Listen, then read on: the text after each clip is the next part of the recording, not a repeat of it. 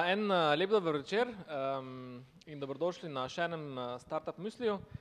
Danes imamo dva zanimiva gosta, um, ki prihajata po naključju iz istega mesta. Uh, in vsak izmed njih se je pripeljal v Maribor s svojim avtom. Tako da uh, tema današnjega Myslija so izzivi in priložnosti sodobne mobilnosti.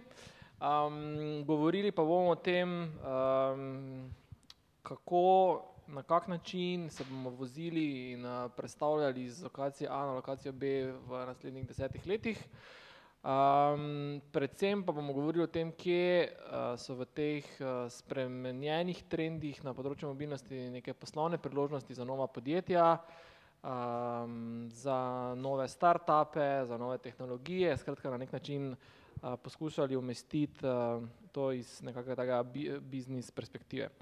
Uh, zdaj, zakaj smo povabili uh, uh, gosta, bomo, boste videli iz kratkih predstavitev. Uh, izvoli, z damo začnemo.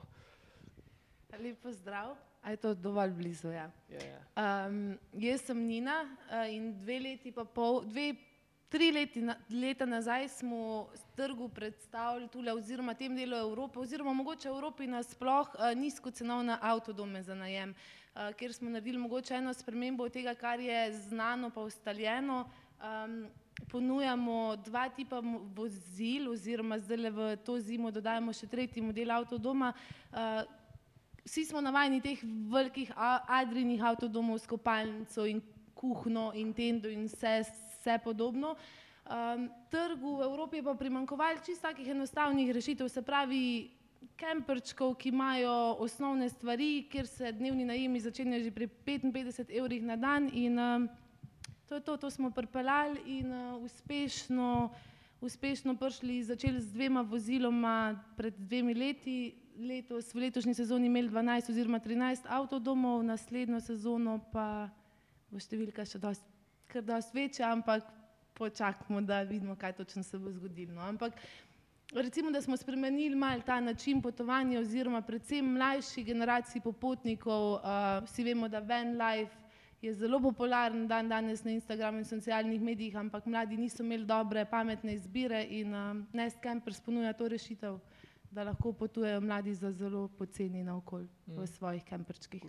Vi ste imeli v bistvu, tak, če pogledaš vaše številke in po številu userjev in v bistvu tudi poslovne številke ste v bistvu tak vsako leto podvojili na nek način in število, ja, v bistvu promet, ne, število vozil pa niti niste podvojili, no, tako da v bistvu rast je full. Uh... Rast je šla iz dveh na štiri, pa potem iz štiri na dvanajst in potem zdaj, kaj se bo dogajalo v drugem letu, bomo videli, no, ker se dogovarjamo o nekih novih poslovnih priložnostih in partnerstvih. Dejstvo je, da ne moramo imeti dovolj avtodomov, v bistvu vprašanje je, koliko sploh imeti avtodomov, da bi imeli dovolj avtodomov v glavni sezoni. Ampak to je tudi lahko zavajajoče. Juni, julij, avgust ni noben problem, verjetno tudi sto avtodomov bi v tej regiji, kjer smo zdaj, z lahkoto razprodali. Uh, seveda je pa treba najti neko zdravo mero, ker ti nič ne, ne rabi imeti sto avtodomov razprodanih tri mesece na leto, če pa niso razprodani še tudi um, aprila in oktobra in je ta sezona rentanja seveda pač polna takrat, ko jo rabiš. Uh, ampak ja.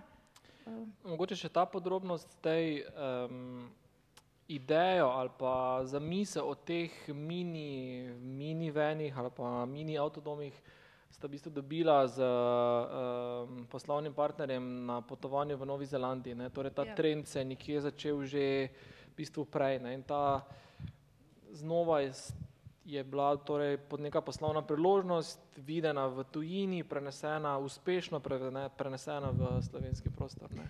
Ja, uh, zdaj, če kdorkoli od vas bil v Avstraliji ali pa Novi Zelandiji, ve, da je tam trg poln tega, predvsem na račun tega, da ti dve državi ponujata mladim popotnikom working holiday vize, mladi pridejo tja za eno leto in v tistem letu, ko želijo videti čim več od države, si želijo v bistvu najti enostavno rešitev, da potujejo in živijo in si ogromno mladih kar kupi avto in si tam predela in tudi država je v bistvu trg je nasičen nizkocenovnih avtodomov in tam je bilo, tam meni šlo račun, zakaj Slovenija, ki je v bistvu Evropska Nova Zelandija, zakaj Slovenija, jaz sem izhajala takrat Slovenije, zakaj mi tega nimamo. Um, ni pa ta, um, ta del sveta edini, druga taka zelo močna država, ki ima to močno prisotno, Islandija. Islandija si je tam v tem malem območju, sploh ima idealno tako cesto okoli uh, države. Uh, isto v bistvu v tej mali državi je po moje takih firm, ki delajo podobno kot delamo mi, 30 ali več. Um, ni pa to prisotno širše po evropskem tržišču, zakaj ne? Ne bom rekla, da ne, se že pojavljajo prvi zametki tega, nekako se je prepoznali, da je to nekaj, v kar uh, mlada generacija, na kar mlada generacija stavi, bo potovala, um, ni pa bilo zares prisotno v Evropi in zato smo pa mi tudi se odločili, oziroma tudi meni, ko so v Novi Zelandiji ponudili, da ostanem tam še tri, štiri leta, um, so mi ponudili službo, sem rekla, ne, gremo čim prej nazaj in s tem zaštartati in uh, nekako, da bi bil znak, pa verjetno ni bil, ampak sočasno tudi Slovenija začela vlagati v infrastrukturo na področju avtodomarstva in Slovenija tri leta nazaj v bistvu začela z neko tako mrežo camper stopov. Um, zdaj imamo po Sloveniji več kot 160 točk, kjer lahko camperji v bistvu spijo za ston ali pa za, zelo malo denarja, kar je res pomembno, če ti v bistvu hočeš dajati nizkocenovni avtodom najem, ker ni smisla, da ti daš nizkocenovni avtodom najem, potem mora iti pa stranka itak v kamp, ki stane 30, 40, 50 evrov na dan, kar je primer Hrvaške. Tako da se kdaj zgodi, da naši kemperi pridejo nazaj iz Hrvaške hudo razočarani zaradi cen in sistema, ja, ki jim Cool. je prijazno nastavljen. Hvala. Hvala za ta kratek uvod. Če sem ženska. Um, okay, uh, tako kot so novi za ideja uh, uh, o mini camperjih prišla v bistvu na vajnih, uh, vajnih nahrbnikih iz Nove Zelandije, je v bistvu v tvojem kočku prišla ideja o skirojih iz San Francisca. Uh, mogoče malo to zgodbo. Uh, ja, um, lani v, je v San Franciscu pač bil ta boom teh uh, skirojev. Ne? In ko sem jih prvič videl na cesti, je bilo, uh, what's that? Ne? Um, in ker jih je bilo zloženih deset in piše one dollar to start. In, um, in seveda, ne, greš, poslikaš, sem šel domov pogledat, kaj se dogaja. In sem šel kar nazaj um, in sem naredil prvi skiro. Ne. Takrat sem se dejansko zaljubil pač v, v električne skiroje. To je nekaj najboljšega na svetu, ever. Um, in, um, in, ja, ne, in potem sem rekel, ok, to ima smisel, recimo za San Francisco, ok, sam tehnično ne reši tam tako velikega problema. Ne. Pač tam še vseeno lahko greš z Uberjem, lahko greš z, z um, um, z busom, z, z, z taksijem, pač ker so ceste vse, vse posodne. Večji problem reši v evropskih središčih, kjer so centri mest ponavadi zaprti. Uh, in sem rekel, ok, dajmo to pač pripeljati, najprej štartati uh, v Sloveniji, najprej razviti, uh, štartati v Sloveniji, pol pa, pa, pa da vidimo, pač, kako bo šlo to naprej. No.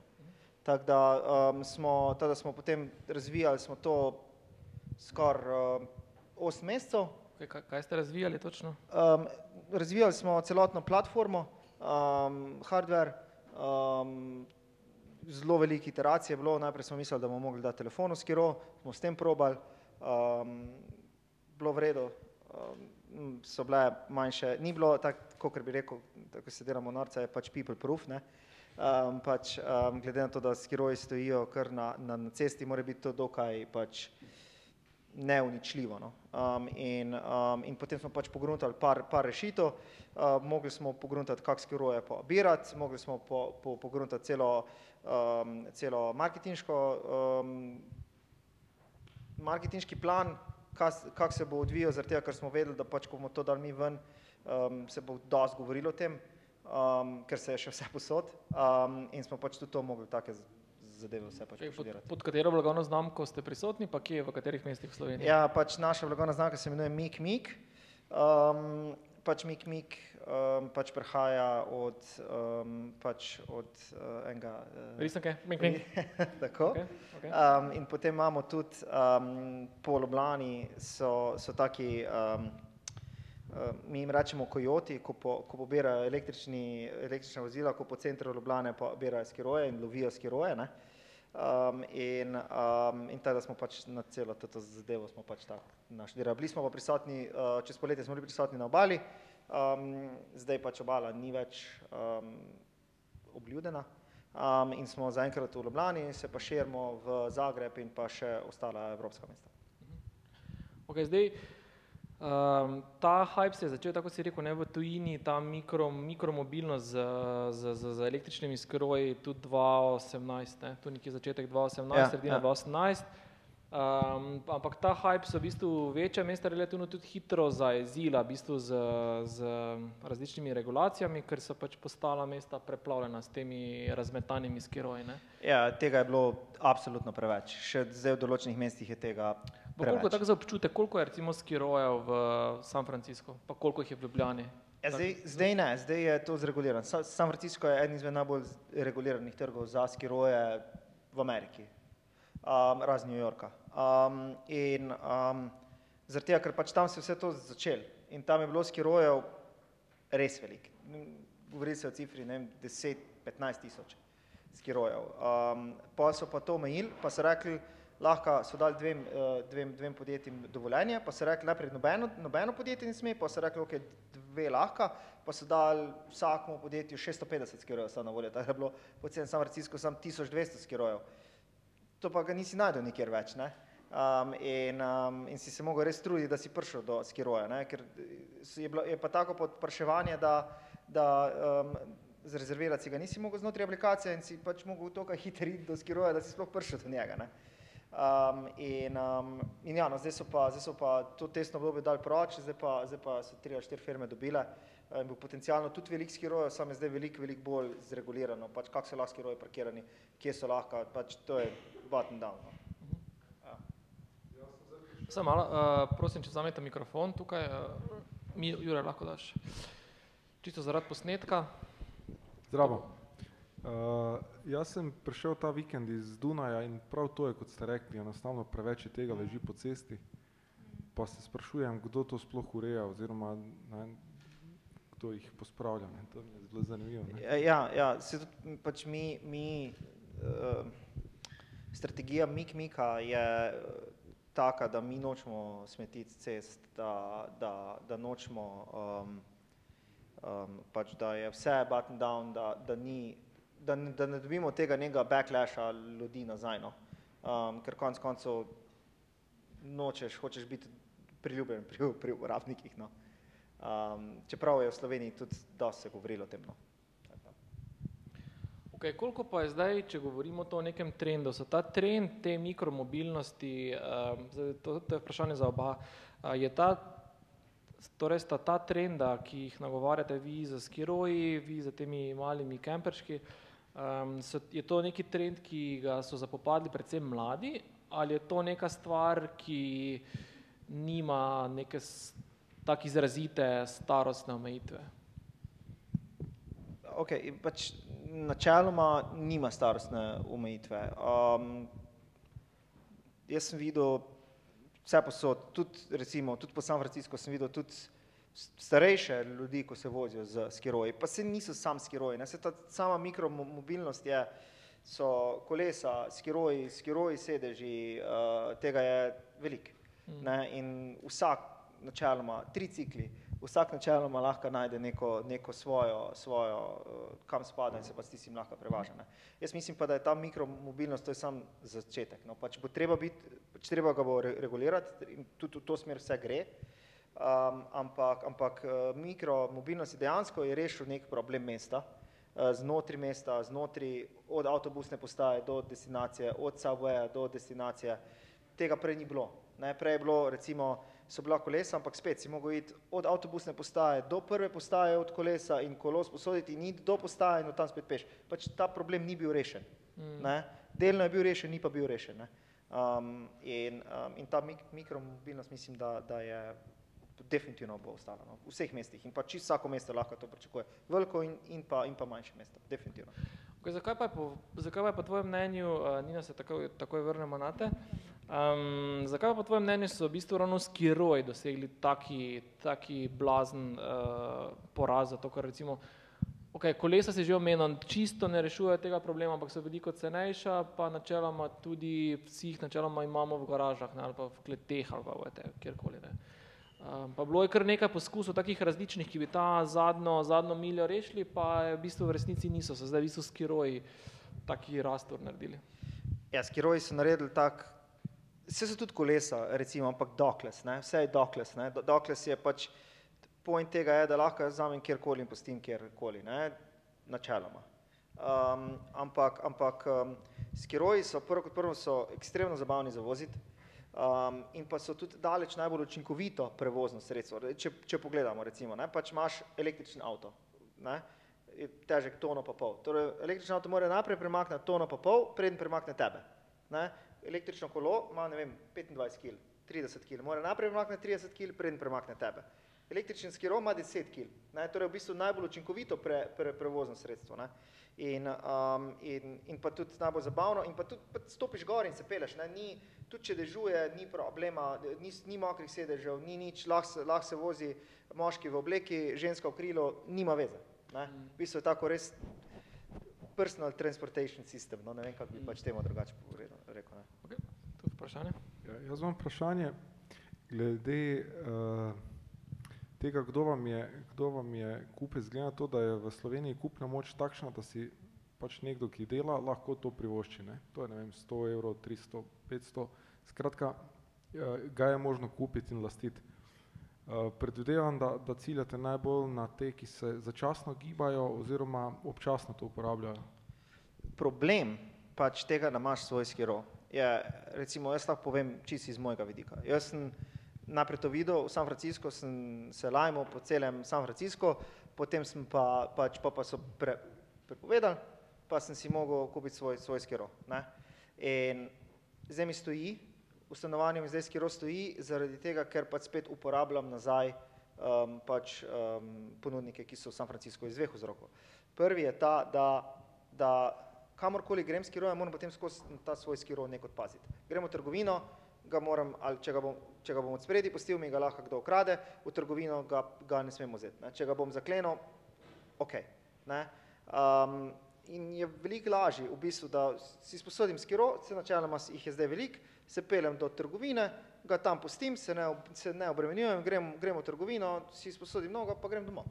Ne, tako da načeloma je reši ta moj problem. Ne. Drug problem je pa, da, da načeloma je še vse 500 evrov. Ne. Veliko lažje dajati po evro, dva, tri, ne, ko pa naenkrat dati 500 evrov, pa dejansko ne veš, koliko kol ga boš uporabljal. No. Hvala. Uh, Nina, še, ja, uh, Nina, še vprašanje za tebe isto. Torej, um, ta, ta, kaj po tvojem mnenju, Starostna. ja, tako starostni razred, pa kaj po tvojem mnenju bo trovalo temu, temu izrazitemu porastu, torej ta nekega nišnega segmenta potovanja? Zdaj, jaz bi tukaj samo rekla, da moje mnenje je mogoče malo drugačno. Jaz se strinjam, ni starostnih omejitev. Vsak lahko uporablja tako električne skiroje, kot recimo nizkocenovne male kemperčke. Se mi pa vseeno zdi, da trend gre v to, da tu govorimo o starostni skupini nekje 30-40 do mogoče 50 let, ker preprosto pol je že mogoče ta preskok v samih mentalitetah toliko drugačen, da, da je težko starejši generaciji predstaviti, da je tam aplikacija, kjer si lahko oni downloadajo, pa potem to se samo vozi. Uh, Ne rečem, so pa seveda svetle izjeme, tudi jaz, ko pri nas gledam, tudi recimo vi ste verjetno, ali pa mi smo za dig, uh, Treba se odločiti v svojih marketinških kampanjah, se vedno treba odločiti, kdo bo vaš kupec in primerno temu nagovarjati in naslavljati. Seveda to ne pomeni, da ne bo, tudi mi smo imeli recimo letos kar neki, pa si ne bi nikoli mislili, da bodo prišli 70-letniki pa najeli v bistvu te male kemperčke, kjer je že noter zleziti, uh, mogoče moraš biti malo bolj agilen pa mobilen, da sploh prideš noter pa ven, ker ni zdaj to toliko na komod, pa so bili verjetno ene naših najbolj zadovoljnih strank. Um, ampak pri nas, če gledam iz naše zgodbe, Nest Camper sigurno naslavlja mlade ljudi, naša idealna, naš idealen kupec je mlad par, nekje star 30 let, um, iz eh, pač tujih anglosaških držav. Um, tako da pri nas bi jaz rekla, imamo nek segm, sme, smo segmentirali, um, da so naši kupci stari med 20 do 40 recimo, uh, seveda pa ja, omejitev ni oziroma sploh pri večjih modelih avtodoma se ta, ta starostna meja pomakne navzgor, pri manjših modelih avtodoma je pa to seveda sam avtodom narejen na način, da, da je v bistvu primeren za mlade in nagovarja mladi trg. Se tukaj, tukaj, tukaj se strinjam. Moram pa samo še dodati, da recimo pri skirojih je tako, da um, pač skiroji so pri nas postavljeni po mestu ne? in je sam skiro že promocija za skiro, ne? pač piše gor uh, brand in tako dalje. In pač sam skiro je poster ne? in je, in je, uh, in je mal drugačno, pač tudi kar se tiče tega na, na, na slavljanje. No? Tako. Okay, zdaj, uh, zdaj govo- ob- oba dva ste omenila, torej, eh, eno je cenovna dostopnost to vrstnega prevoza, um, omenil tudi neki zabavnost, uh, da neki fun factor, ne noben pa v bistvu ni omenil, da tega nekega trajnostnega razloga, torej ne vem, da s tem, ko pač eh, ne vem, po- uporabljam skiro, na nek način tudi uh, namesto avtomobila pazim na naravo, zato ker pač pazim na CO2 izpust recimo, ne. Uh, koliko je v tem celotni zgodbi ima sploh okolje, trajnostni razvoj, ta sharing economy filozofija, koliko je tu komponenta um, za motivacijo uporabe teh uh, novodobnih prevoznih sredstev? Tako bom rekel, to je odvisno od vsakega posameznika. ne. Um, načeloma, definitivno, ja, je bolj, um, je bolj ekološko, kot pa da greš z avtom. Ne. Um, tudi um, veliko aplikacij ti pokaže, koliko si prešparil, ko si se s kirojem pelal. Tako da, tak da uh, overall, ja, je pa pač, tako sem že prej povedal, je to pač odvisno od vsakega posameznika, pač, če da nekaj na to ali ne. Um, pač, um, jaz vem, da meni to pomeni dost, ampak ne, zdaj pa pač um, vsak mu svoje, no, tako bom rekel. Okay? Hvala. Zdaj jaz ne morem, ne bom hinavc pa rekla, da smo mi trajnostni, ker na koncu koncev naše stranke dobijo vozila na fosilna goriva, na dizel in dizel. Eno vozilo imamo na bencinarje, tega moramo čim prej zamenjati, ker se, ker se rado zgodi, da se bo kdo zmotil. Um, Sigurno pa razmišljamo v to smer, ja, da bomo dodali recimo avtodome na električni pogon. Tudi že sama država uh, je jasno, stoji za tem, da, da je pobudnik tega, da se v bistvu da vozila na hibi- hibridni ali pa električni uh, pogon. Seveda ena od rešitev, ki jih bomo dali, je recimo električne celice na vozila, da si bojo lahko polnili eh, njihove naprave preko solarnih panelov, ne pa nujno priklopljeni na zunanje vire elektrike. Eh, Poskušamo pa na mogoče kakšne manjše načine, recimo, ne vem, naši gosti dobijo darilca in potem na mest, da jim damo neke plastične zadeve, jim damo bambusove zobne ščetke in podobno in jih uh, res probamo naše goste nekako z našimi nagovori, pa z temi brošurcami, ki jih dobijo, spodbujamo k temu, da čim bolj zeleno, pa mogoče čim manj kilometrov, kar je spet um, nam v prid, no, ampak eh, ne bom pa rekla, da smo mi zdaj neko ekotrajnostno podjetje, ker pač preprosto kaj damo, na koncu damo mi navadno vozilo v najem, ki je daleč od tega, da bi um, reševali okoljske težave. Ja, koliko no. pa imate strani tujcev, sploh nekega popraševanja ali pa nekega takega tihega pritiska uh, ali pa nagovora, da ali imate v ponudbi tudi električne mobil, eh, mislim, Nič. vozila? Nič. Ne, nič. Uh, edini pritisk je, če imamo mogoče vozila z avtomatskim menjalnikom, ampak eh, to zeleno, mislim, na ta način pa ne, mogoče zato, ker je ta avtodomarska industrija še res zelo daleč stran od tega, da bi šlo v zeleno, da bi bilo dosti hibridnih avtodomov. Zavedati se treba omejitev, ko gre stranka recimo potovati, zdaj da bo mogla gledati, kje bo na koliko uh, kilometrov bo električne polnilnice. Jaz sem sledila kar nekaj zgodbam ljudi, ljudi, ki so potovali z električnimi avtodomi, pa je to na koncu lahko kar naporna zadeva, ker morajo v bistvu celotno pot, mi poudarjamo to svobodo potovanja in da se pa celotna pot prilagaja temu, da išče polnilnice. V Sloveniji infrastruktura je daleč od tega ali pa na Hrvaškem, da bi zdaj mi lahko rekli gostom, zdaj boste pa vi imeli popolno svobodo, ker imate pač uh, avtodom na električni pogon. Tukaj mogoče, da še ni infrastruktura dovolj daleč, da bi bilo pol tudi gostom enostavno potovati na okoljno. Okay. Zdaj, um, če se um, naredimo en taki novi krok debate, malo krok same podjetniške zasnove vajnih, uh, vajnih zgodb. Ne? Um, torej, obe zgodbi, torej tako Skiroj kot tudi uh, Kemperi sta tudi poslovno uspešni. Skratka, mislim, da ste tudi že vi neto v bistvu, uh, oziroma kar se tiče cash flow pozitivni iz vidika najema, ne, mislim, vi ste imeli super poslovno leto 2018. A, Zdaj, kaj, um, kaj vidva ocenjujeta kot elemente uspeha vajne podjetniške zgodbe. Torej, kaj uh, je botrovalo temu, da sta z relativno enostavno idejo v bistvu uspela, uspeli na trgu?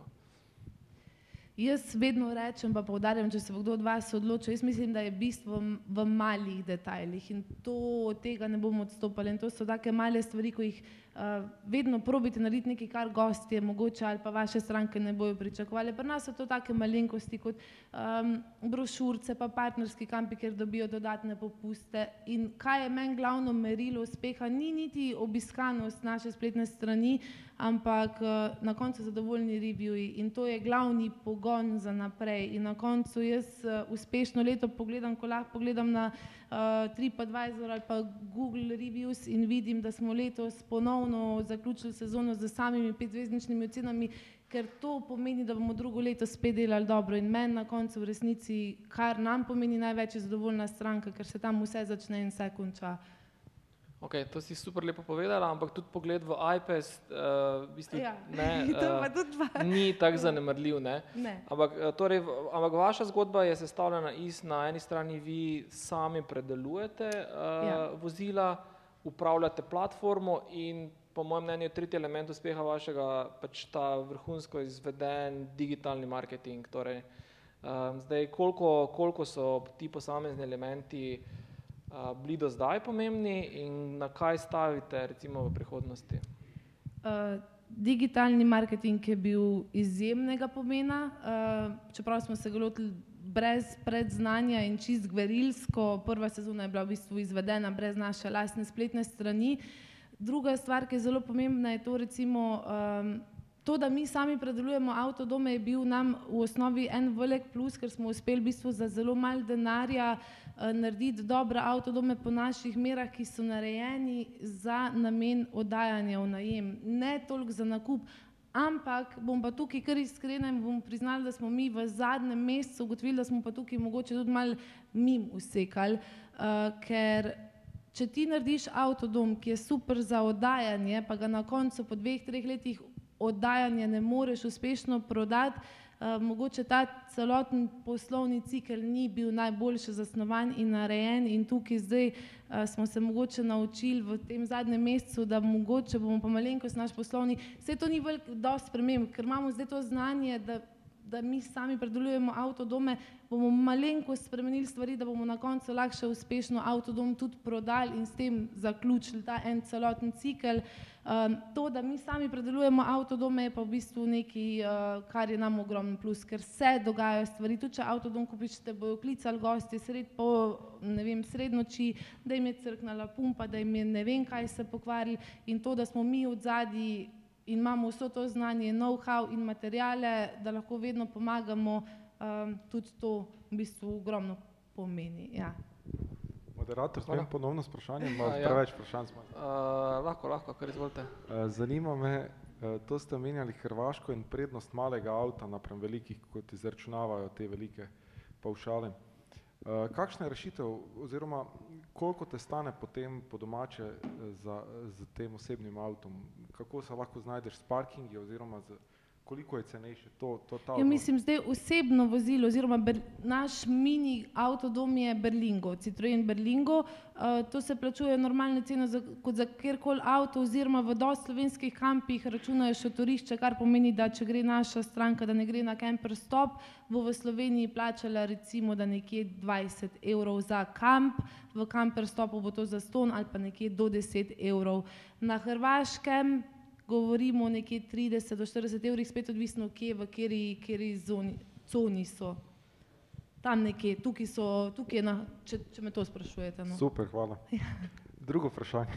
Čakaj, samo da zaključimo še s tem, eh, da ne bomo rdeče niti izgubili. Eh, Elementi poslovnega uspeha ali pa elementi poslovnega modela. Pač pri nas je tako, da moraš vedno paziti, pač, da je skiro v redu, um, da, da, da ni, ker glede na to, da so skiroji na cesti, um, pač uh, ljudje po, ni nujno, da bojo delali z njimi vedno najbolj spoštljivo. Um, in, um, in moraš vedno paziti, da so, da so skiroji v dobrem um, pač kondišnu, um, potem moraš um, pač, da so dobri skiroji, da, um, in pa seveda moraš tudi paziti na ceno.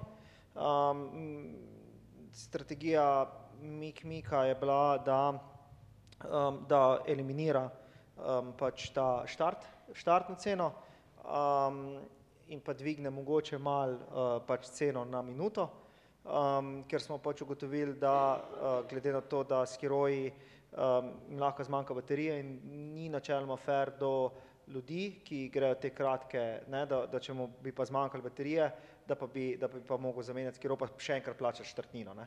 Um, Tako da, tak da je načeloma pač to bolj user-friendly, um, kar se tiče pač teh hitrih, hitrih skokov. No. Ali v vsakem primeru imate vi znova, torej imate torej vozila, sami predelujete vozila, um, naredili ste platformo, torej spletno platformo, pa Tako. mobilno platformo, torej vsi tri elementi plus marketing oziroma marketing. je- platforma za pobiranje skirojev, tudi.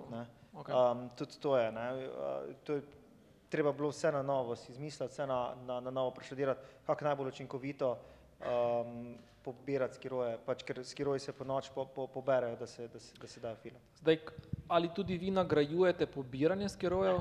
Ne. V to kroži ena zgodba o um, pobiralcu skirojev v, v Los Angelesu, ki s tem lepo služi uh, Ja, in je naštudiral tehniko, da na vsaki roki nese deset skirojev in potem vsakim, ki ga odda na mesto, zasluži in s tem bistvu se preživlja. No, tako da tudi to je poslovni model. Vs, v, to, to sem jaz tudi že, že slišal, načeloma je 5 dolarjev, da pobereš skiropa, da ga na, napolniš, pa da ga oddaš na mesto. Um, tako da um, v povprečju. Lahko je več, lahko je malo mal, mal manj. Tako da pač, če se to nekot uh, naredi, če se jih zvečer pa bere 10, 20, pač je lahko to za neko tako osebo pač tudi lep, lep, lep znesek. Vem pa, da je pa zmanjkal, um, ali v LA-ju mislim, da je celo bilo, da je zmanjkal um, teh kombijev um, za, za renta, da, da se seliš.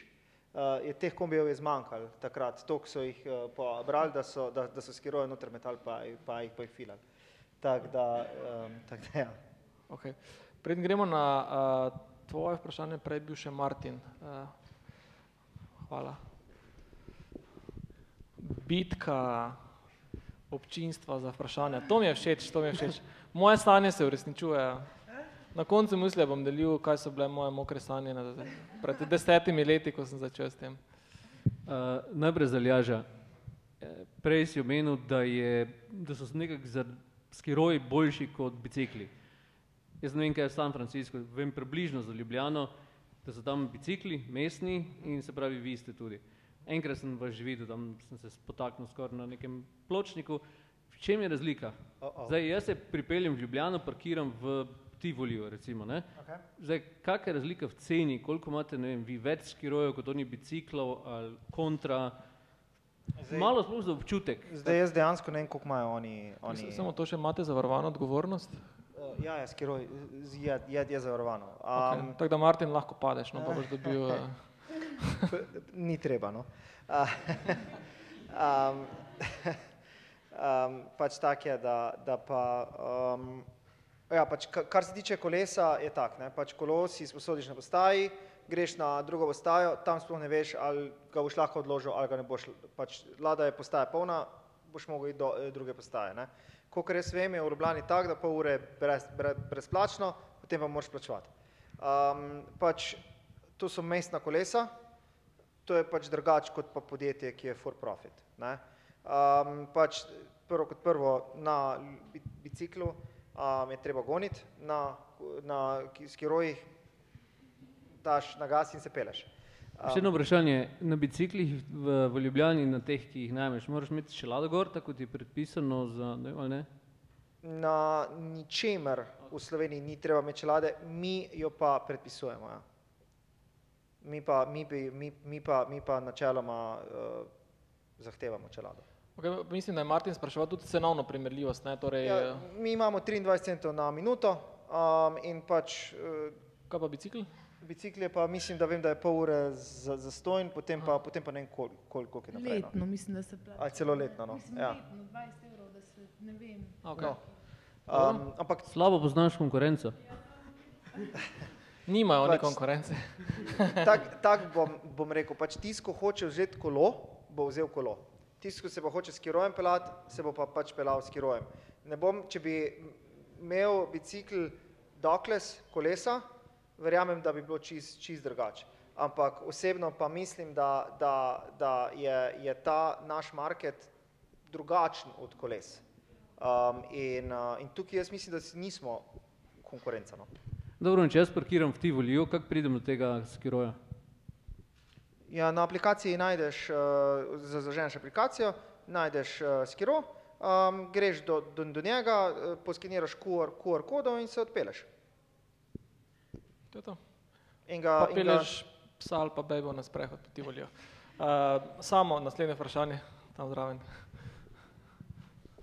Uh, jaz bom pa vprašanje za Nino. Uh, predvsem me zanima, kaj pa je težava, da se recimo kemper po dveh, treh letih ne proda. Mislim, kaj je težava? Težava je, da se mi kupimo nova vozila in uh, prve tri leta oziroma prve pet let, odvisno od vozila, imamo mi polno garancijo na vozila, kar pomeni, da vsa popravila so, oziroma večino popravil je potem uh, krito z garancijo, pa tudi do v bistvu vozila se ne kvarijo. Zdaj mi še nismo toliko stari, da bi vedeli, kaj točno bo prineslo staro vozilo v smislu okvar, uh, nam pa mehaniki in podobni nas kar svarijo, dejte se reši teh vozil pač uh, v roku 4-5 let, preprosto. Zar, Ker stvar je taka, drugo je, ko se kupi vozilo za lastno uporabo, pa ga uporablja ena oseba, ki ne, ko se nekako navadi na vozilo in ga vozi um, z nekim, kako bi rekel, istim načinom vožnje. Pri nas pridejo, doskrat pridejo k nam tujci, ki so itak navajeni druge strani uh, ceste, pa potem so navajeni po možnosti. Smo imeli že goste, ki še v življenju niso vozili ročnega menjalnika, pa smo jih mi na letališču učili, kako res, kako voziti uh, z ročnim menjalnikom. In vse to seveda pomeni, da se vozilo verjetno obrablja na drug način. Se ne da je zdaj vozilo, da je po dveh, treh letih čisto za nič, ampak mi tudi želimo, kaj mi želimo, je gostom ponujati nova vozila oziroma vozila, ki. Ja, nova vozila. Nam je, naš, naša strategija je tukaj imeti novo floto vozil starih 3-4 leta, pa potem uspešno prodati naprej, ker tudi trgu, torej v sami prodaji manjka nizkocenovnih avtodomov, tudi tukaj, ne, tudi mladi, pa ne samo mladi, nasplošno tudi starejši ljudje a, vidimo, da je trend, a, da bi radi kupovali vozila, ki, niso, ki ne stanejo 50-60 tisoč evrov, ampak preprosto avtodome, ki imajo te osnove, ki so potrebne, ni pa zdaj, ne rabijo pa nekih nadstandardov z, z ne vem, kakimi lučkami, ledicami in tele, televizijami in podobno. In, ja. Zdaj Ej, sigurno koliko- tudi noben ne bo kupil ne scampers avto doma, Ej, koliko se... ima, uh, koliko ima v bistvu to vozilo, ki, s katerim ste začeli pred dvema letoma, zdaj kilometrov, tako za feeling? Povprečno bom rekel, da se naredi nekje 25 tisoč km na leto, 25 do 30 tisoč km na leto. Uh, čeprav ni dost, ni dost, zakaj mi v bistvu, to je pa tudi za, deloma je razlog v tem, da mi recimo čisto iskreno ne scampers precej skrivamo slovenskemu trgu ali pa hrvaškemu trgu in tule trgu okoli nas. Uh, v zameno pa lahko ponujemo neomejene kilometre, ker mi dobro vemo, da ko bo prišel um, Avstralc ali pa Kanačan, uh, pa rento naš avtodom se verjetno ne bo pelal vse do Portugalske ali pa Skandinavije, ker bomo mi ob vsem že predhodno z blogi, nagovori, našim marketingom, pa potem z mapicami, pa partnerskimi kampi, mi naše goste kar nekako mal pelemo v Posočje, pa po Sloveniji, pa dol v Krk in jim uh, skoraj da mal uh, Malo zapakiramo, sugeriramo, hkrati pa vse skupaj lahko zapakiramo v neke neomejene kilometre in ogromno recimo rentakar eh, podjetij da omejitev 300 km na dan, maksimalno vse ostalo se doplača ali pa 200 km na dan, pri nas gosti naredijo ne vem, med 100 do 200 km na dan, včasih, včasih pa še dost manj. No. Ampak to omejitev, pa to v bistvu uh, marketiranje teh uh, slovenskih poti delate iz nekega takega patriotskega razloga ali delate iz ekonomskega razloga? Oboje. Okay. Ne, mislim, uh, iskreno nam se zdi Slovenija, tudi sama sem to, to pri meni se je ta strast pretvorila pol v posel in tako sem rekla, meni se je Slovenija zdela idealna, uh, je idealna camper van destinacija, Um, tudi ko sem vlekla te usporednice z Novo Zelandijo in z vso infrastrukturo, ki jo imamo, potem so pa tudi odzivi gostov neverjetni. Je pa res, uh, da želimo to mogoče malo razširiti, se pravi, uh, letos bomo bolj podrobno razširili celotni jug uh, Hrvaške v smislu predstavitve gostom, pa partnerskih kampov, potem Italija je ostala, je predvsej nepokrita dolgoročno, se pa nekje usmerjamo na divji Balkan oziroma Jaz bom rekla, da je nek eh, trend v turizmu, ne samo pri nas, tudi nam so zdaj pristopile neke skandinavske oziroma večje potovalne agencije, ki so se odločile. Um, Evropa nekako sledi ali pa si vsakih par let začrta trend, pa je nekaj časa trend Azurna obala, pa je potem trend Islandija, pa je potem ne vem kaj vse trend uh, in te večje agencije, ki obvladujejo, ne vem, zdaj ena agencija, ki obvladuje deset uh, skandinavskih držav in to govorimo o kar velikih cifrah, se je plansko odločila v usmeritev za, ne vem, plan za naslednjih pet let je ali pa deset let, da se Evropi v bistvu uh, potisne naprej Balkan, ki do zdaj ni bil odkrit. In tudi mi bomo, naš, naš plan je, da mi v bistvu malo bolj začnemo pokrivati ta potovanje po Balkanu z avtodomijem. Hvala. Izvoli. Sam jaz bi še eno vprašanje. Prej si rekla, da bi morali nekako drugače narediti avtodom, zato da bi raje kupili tisti, ki ga hočejo imeti za sebe. Ja. V čem je ta razlika? V čem je razlika? Recimo naši avtodomi nimajo dodatnega gretja oziroma gretje je možno samo, če si priklopljen na, zunanjo, na zunanji vir elektrike. Ni problem prodati Berlingota. Berlingo se dajo moduli ven, pa se prodajo, jaz govorim o večjem modelu avtodoma, ki nima gretja, pa nima kopalnice. Zdaj, že jaz, če izhajam iz svojega, če se jaz odločam za 30 tisoč evrov vredno investicijo, uh, bi si najmanj, kar bi si želela, je, če vem, da bom imela ta avtodom naslednjih deset let, da ima noter gretje, ker bi ga želela, pol, ker ne rentaš ga za 10, 12, v povprečju pri nas 10 dni uh, na leto, ne rabiš za res gretja. Uh, ko pa ti kupuješ za sebe, si pa verjetno ne želiš imeti avtodom za deset dni na leto, ampak želiš z njim potovati tudi po zimi, pa iti na smučanje in podobno. Vse to bomo zdaj rešili z manjšimi lepotnimi popravki, pa v te obstoječe uh, kemperje dodali gretje, ampak ja, tukaj je par takih stvari mogoče, ali pa da se doda na, na zunanjo stran tenda, ki je ni za goste, ki rentajo. Um, tukaj bo največje spremembe. No? Recimo gretje, kopalnica, niti ne toliko gretje, pa absolutno za prodajo samo. Ja. Hvala. No, mi tu druga stran, druga stran vrača udarec s vprašanjem. Eh, Pozdravljeni za Nino. Eh, Zanima me, p- prej ste omenili, da skrivate pred slovenskim trgom, T- torej ciljate predvsem na tuje kupce. Ja. Koliko je procentualno eh, tujih gostov? Tujih gostov 95%. Aha. In to Se- eh, tržite sami preko vaše blagovne stranke ali vam tržijo tudi T- agencije? Vse do letos, se pravi, pa še v bistvu do zdaj smo dobili en booking preko uh, tujega agenta. Vse ostalo je bilo trženo direktno preko nas in preko naše booking strani. Uh, mislim, razlog je, da zakaj dati nekomu 10%, če smo mi sposobni sami z Google kampanjami in Facebook uh, marketingom in remarketingom dovolj uspešno. Predvsem smo pa zelo dobri bili v nekako smo dobro nastavili naš CEO oziroma bloge in um, zaenkrat sami je pa res, da bo treba seveda se odpreti, s tem, ko imamo več avtodomov, je treba, ne moreš reči ne, oziroma bi bilo noro uh, reči ne tujim uh, agencijam, ki prihajajo in nam bojo vozile ljudi. Da, do zdaj smo bili sami, zdaj se pa odpiramo tudi drugim. Ja. Um, skrivamo pa na način, da pač preprosto ugasnemo oglase za ta naša območja in se v resnici nismo niti želeli spostavljati. Smo dobivali dost eh, recimo ponudb, da se pojavljamo ali v revijah ali pa na samih sejmih v Sloveniji, ampak ko si ti tako mala, malo podjetje, sploh na začetku, ko smo imeli štiri avtodome, kdorkoli, ko bi prišel min, pa bi videl, ja, kaj pa je to v Berlingu, ta dati neko tako zadevo, pa ima kapital, bi nas preprosto lahko prehiter povozili. Zdaj smo pa že mogoče v teh letih, dveh, treh letih, toliko si vsaj, vsaj na internetu zgradili neke avtoritete, ki je teže ulovljiva, ker Google šteje in čas prisotnosti in obiske in same linke in kvaliteto linkov in vsebino, da zdaj pa mogoče bomo se malo lažje odprli še domačemu trgu. Ja. Hvala. Hvala. Leva stran vrača udarec, Matic. Evo, vklopil se še je zadnji del občinstva. Uh, jaz imam pa bolj tehnično vprašanje.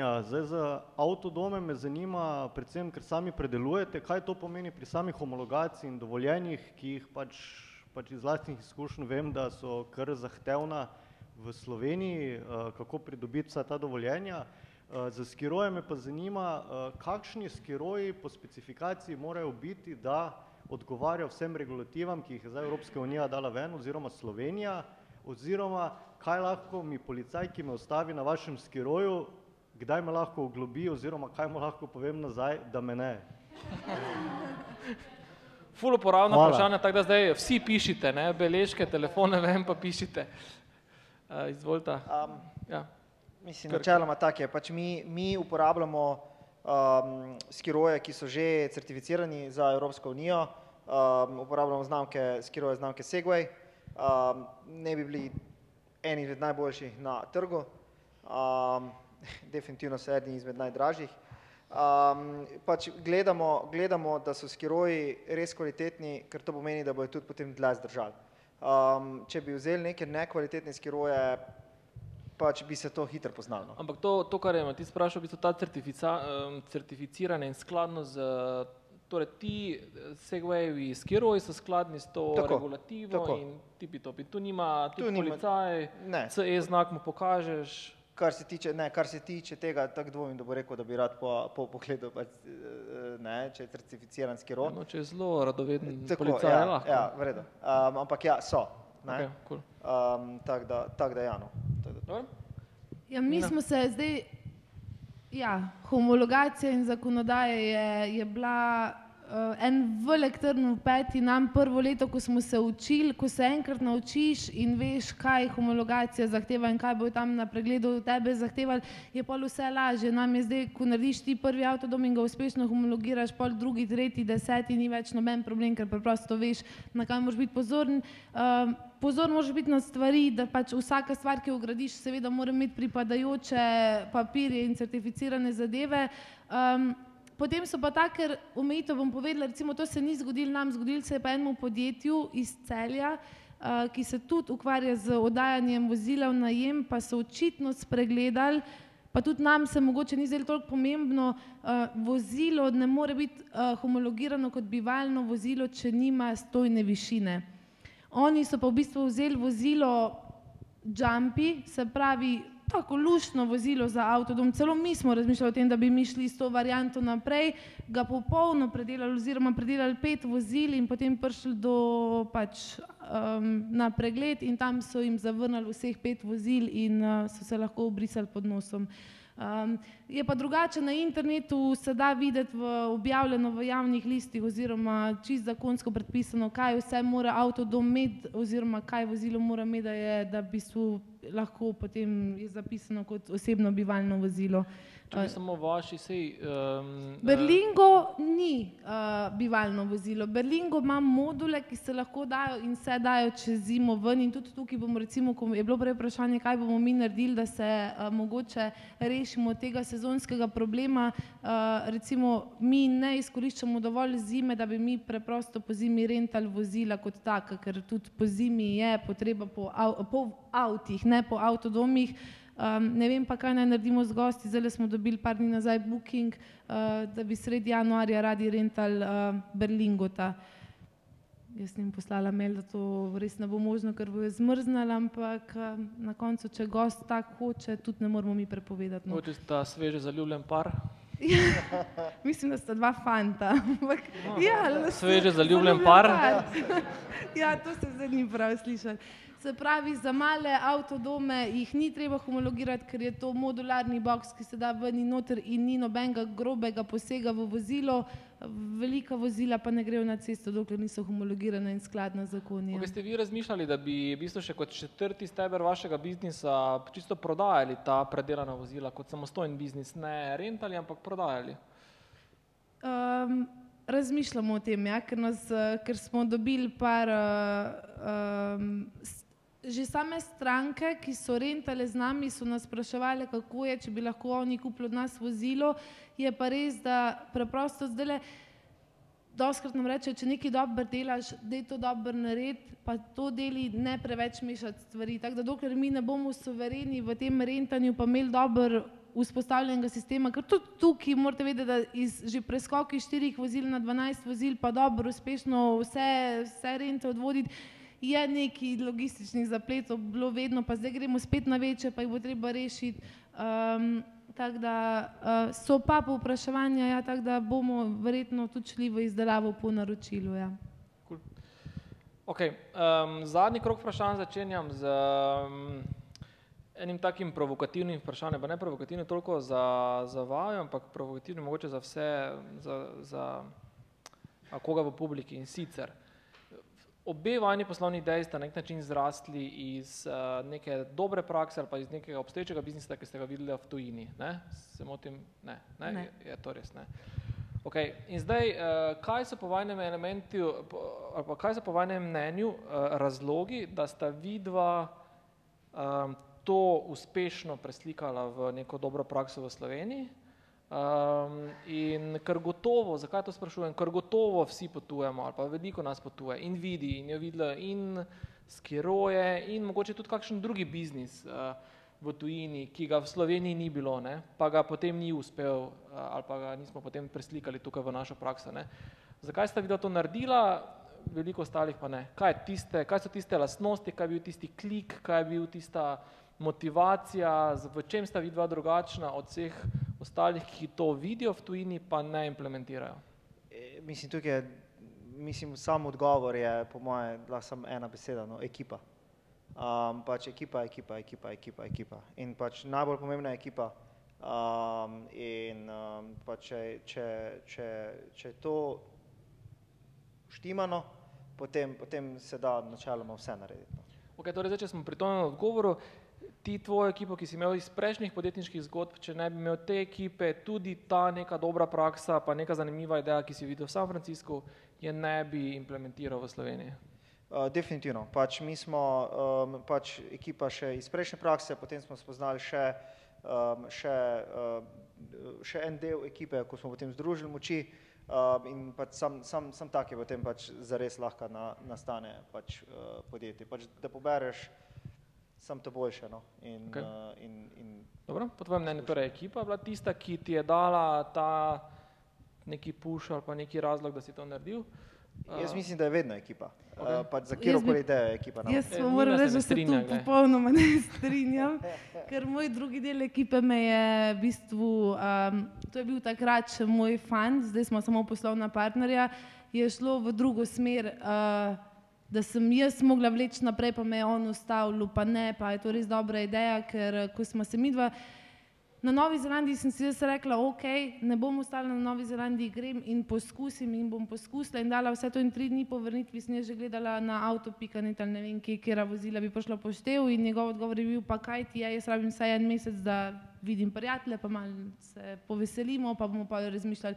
In, um, Jaz ne vem, mogoče tukaj, mogoče smo si, eh, ljud, sigurno smo si ljudje različni. Jaz ne bom nikoli rekla, da ne bom zanemarila faktorja tega, da recimo moj oče je poslovnež, pa da sem mogoče odraščala v tem, da sem videla, da, da, da se da lahko sam naredi stvari. Na koncu pa mogoče, kaj pri meni bo trovalo temu, to, da nisem razmišljala preveč, da sem preprosto rekla, bom poskusila, zakaj ne bi. In to se je pa začelo. In ko sam začeti je treba, zakaj se je to začelo, jaz še sama ne vem, kaj je bilo, kaj je tisto. Ampak, Težko Nina, zdaj v bistvu- odgovoriti, odgol- odloč, mislim, ko se odločiš, Ampak vidva oba dva imata nekaj podjetniških poskusov za sabo, kar v bistvu ni zanemarljiv uh, faktor. Ne? Torej ti imaš, uh, Nina, čeprav uh, imam tukaj zapisano, zdaj ne vem, če bom to prav izgovoril, ne, cucko, cucko kaps ali... Niso cucko predpostavljam. Kak- ne, ampak No eh, popravi me, kako se to prebere. Kuku. Kuku, Kuku okej. Caps. To so, ampak to je zadeva, ki je nastala zaradi. Nest Campers je bil moj prvi podjetniški projekt. Jaz nikoli prej nisem delala lastnega podjetniškega, oziroma ja, pač pomoč v družinski firmi. Um, S čim se družinska firma ukvarja? gradbeništvo, mon, okay. montiranje jeklenih hal.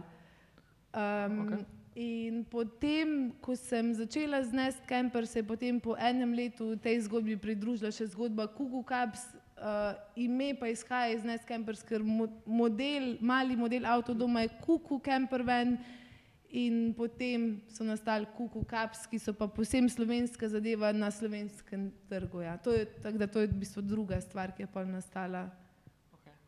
kasneje. Skratka, no, ta neka podjetniška žilica je v bistvu v tebi prisotna. Ne, Mislim- nedvomno. Ne, zgleda, da ja, ker študirala okay. sem še iz druge stvari, biotehnologijo in potem kognitivno znanost in življenje. Si jaz nisem mislila, da bom jaz pristala in delala svoje stvari, ampak eh, jaz bi rekla, mogoče samo ta neka trma in uh, preprosto to, da nisem preveč razmišljala. Vse doskrat mi ljudje rečejo, da, da premalo razmišljam, preden se kaj odločim, ampak eh, vse Do je stokrat lažje, ko začneš delati. Do zdaj ti je nekako kratalo. Ne? To zdaj mi je. Okay. Uh, še eno vprašanje, mogoče malo bolj uh, osebno, pa vseeno iz, izhaja iz, uh, vse, pa vseeno pomembno, no, nek scenarij, ki se dosti krat dogaja. Omenila si, da sta bila najprej partnerja um, tudi osebna, sta imela skupaj podjetje, sta začela skupaj podjetje in potem uh, sta se v bistvu uh, ne, vem, nadgradila to zvezo samo poslovno uh, partnerstvo. Ne.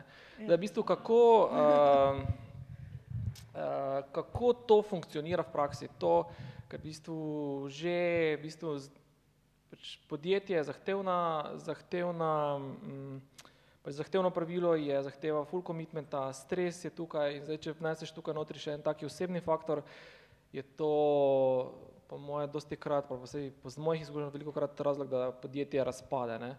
Ja. Pri vama pa Ja, pri nama ni. je bilo pa tako, da podjetje ni razpadlo, je pa zveza razpadla.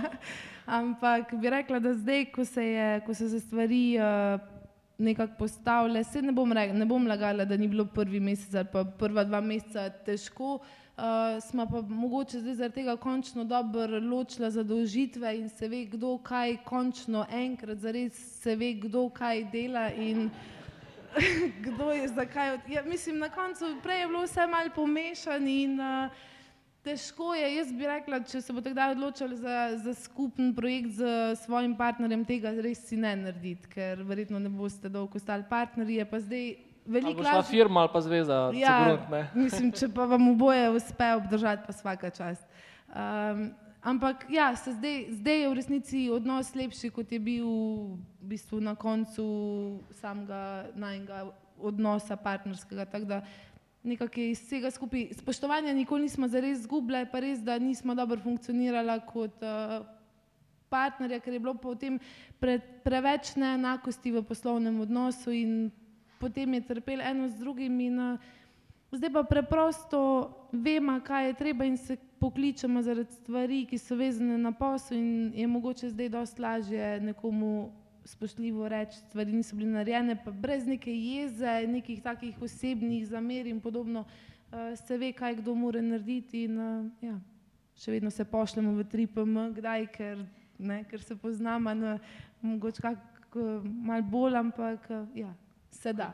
Lastnika sta pa pol pol firme. Ja. Okay. Ja, kar je pol ima, ima svoje, recimo ravno danes ne bom lagala, da je vse vedno v rožicah, ravno danes smo imeli, ampak se to je verjetno pri komorkoli, ki je 50-50 lastnik, zdaj smo pri nekih strateških odločitvah in se odločamo a iti v neko poslovno partnerstvo ali ne, ker sta, so najna mnenja popolnoma nasprotna. Jaz vidim eno verzijo, vid, torej ta poslovni partner, ki je povrh vsega zdaj še na potovanju v Južni Ameriki, vidi drugo verzijo in potem jaz tule norim, ker držim vse štiri vogale in imam svojo verzijo, on ima svojo in si misli, da jaz pretiravam, kar je tako in tako bilo vedno njegovo mnenje, da pretiravam vsem, kar delam. Tak da, ampak ja, na koncu pa mogoče bom pa rekla, da je tudi to mogoče pri nama um, ta različnost pripeljala uh, podjetje toliko daleč, ker jaz sem visoko leteča in imam milijon idej, pa me potem on tak posede pa reče, zdaj pa sam mal, zdaj pa gremo tule mogoče čez številke, tole se pa mogoče tule ne, ne izide najbolj ali pa in mislim, da je mogoče tudi tukaj pol tak nek dober balans nastal, no, um, ja, dobra proti utež mi je, bom rekla. Super, hvala. Um, Ljaš, imate tudi, ti imaš zdaj videno, kaj, četrta tvoja firma, po moje, peta. Uh, ja, četrta. ja. Ok, četrta. Zdaj, uh, kak je bil pa tvoj nasvet uh, glede teh partnerstev, lastniške strukture, Zdaj, okužen si tudi to ameriško, verjetno načinom razmišljanja, Westingom eh, in tako naprej. Definitivno. Kaj pa v Sloveniji? Imaš sploh firme v Sloveniji ali pa kaj, kaj svetuješ, kar se tiče, koga vzeti v lastniško strukturo, na kak način dodeliti delež? Ja. Malo to, to, ta To je zdaj tak, pereče ne, mislim, da se vsak vprašanje. tukaj dosti sproti uči. Um, in um, pr, za pri vsaki izmed mojih podjetij, pri vsakem izmed mojih uh, idej um, in pa podjetij, um, so bile vedno samo ideje, uh, je, je, je drugače. ne. Um, zdaj fajn je, da, da delaš z ekipo, ki, jo, ki jo poznaš že odprej, ki ji zaupaš že odprej, ampak to vedno ni mogoče, zaradi tega, ker pa boš imel zelo mali svet okrog sebe. Ne? Um, in moraš razširiti, moraš pri- pripeljati nove ljudi, včasih se to odnese, včasih se to ne odnese. Ne? Zdaj, ne, to je del poslovnega sveta in tega pač ga je treba sprejeti. Um, ampak ja, Da, kakšne konkretne primere, zakaj se nekaj pa- ni odneslo, zakaj se nekaj je Jaz sem, jaz sem definitivno zagovornik pač vestinga. Jaz ne vem, če poznate, kaj vesting je. Um, pač, uh, to? tisti, ki ga poznate. Okay. Okay. Ta, pač vesting je, je ABC vestinga v petih minutah. Um, pač, ko, ko narediš firmo v, v Ameriki, um, pač to pride z, z nekimi pogoji. Načeloma, ko narediš firmo pri nas, se deleži porazdelijo in to je to. Ne? In pač, če ta oseba dela, če ta oseba ne, ne dela, ima tistih svojih 30% in to je to, ali pa 50 ali pa kakorkoli. Tega ne moreš vzeti. Pač vesting je drugače. Vesting je, um, temu se reče four year ve- vesting with a one year cliff. To pomeni, da če bo oseba prešla, od, eh, ko pa v enem letu od, iz podjetja, ne bo imela nič delnic. Potem pa po prvem letu dobi eno četrtino delnic, potem pa naslednje tri leta pa vsak mesec eno šestintridesetino. Uh, to pomeni, da, da, bo moglo, da bo mogla ta oseba štiri leta aktivno sodelovati v podjetju, če bo hotela zvestati vse svoje delnice. Kako pa podjetja. dokazujete aktivno sodelovanje? Pač če, je ak, če je aktivno, če ima neko funkcijo v podjetju, če je ak, ak, aktiven v, v podjetju. Um, tako da, tak da ja, pač to, to jaz sem pač Torej, kljub temu, da se na začetku dogovoriš za ne vem, četrtinski delež, ti ta četrtinski delež na papirju dobiš šele po, v bistvu, ne vem, po štirih letih. po štirih recimo. letih recimo. Ja. Okay, to je ja. cool, ja. Ja, okay. Um, in, in tukaj tu se mi zdi, da je tudi taka, taka dokaj vredno za, za, za zadeva. Um, v bistvu je tvoje, sam nimaš dostopa do njega. In pač, če, če gre to pred, recimo po enem letu, um, v bistvu firma to odkupi nazaj po tisti najmanjši ceni, pač ne vem, par Po centov na, ceni, ja, tako, tako. Ne? Um, in, uh, in je tvoje, sam ti nimaš do, do, dostopa do tega. No. Um, Ali verjameš eh, v mm, 50-50 partnerstvo v firmi? Ja, mislim, zdaj odvisno. Ne. ne, uh, ne, ne. Uh, jaz jaz osebno mislim, da, bi, da, bi, da nekdo je tisto, ko mora imeti več kot 50%. Pa, če je to neka skupina ljudi ali to ena oseba, pač nekdo, nekdo mora imeti več, zato da se lahko pač neke odločitve sprejemajo. Ker če ne, je vse larifari. Okay. Hvala. Um, kako vprašanje na tej zadnja možnost? Samo. Uh,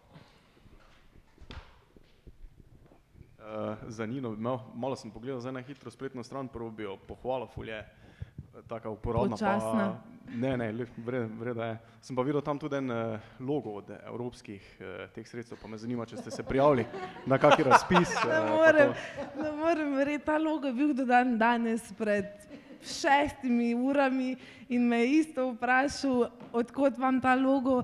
Prijavili smo se na uh, en digitalni voucher. Uh, za tiste, ki imate kakšna svoja podjetja, ne vem koliko vas je ali pa kakršne koli svoje stvari, pejte na DIH Slovenija, DIH, uh, imate digitalne voucherje um, in to je namenjeno vsem, kaj smo mi naredili, mi smo dali voucher oziroma mi smo ga porabili za, dobili smo oziroma smo v postopku pridobivanja, da dobimo povrnjenih 5000 evrov za raziskavo za uh, hrvaški trg, torej za vstop oziroma za boljšo prisotnost, pozicioniranje naše, naše storitve na hrvaškem trgu. Uh, so pa ti digitalni voucheri namenjeni tudi preprosto prenovi uh, tr, uh, spletne strani ali pa trgovine ali pa rezervacijskega sistema, potem recimo uh, celotni pripravi uh, prenovi digitalne strategije, kjer lahko dobite, mislim, da 8000 evrov pa pol povrnjenih.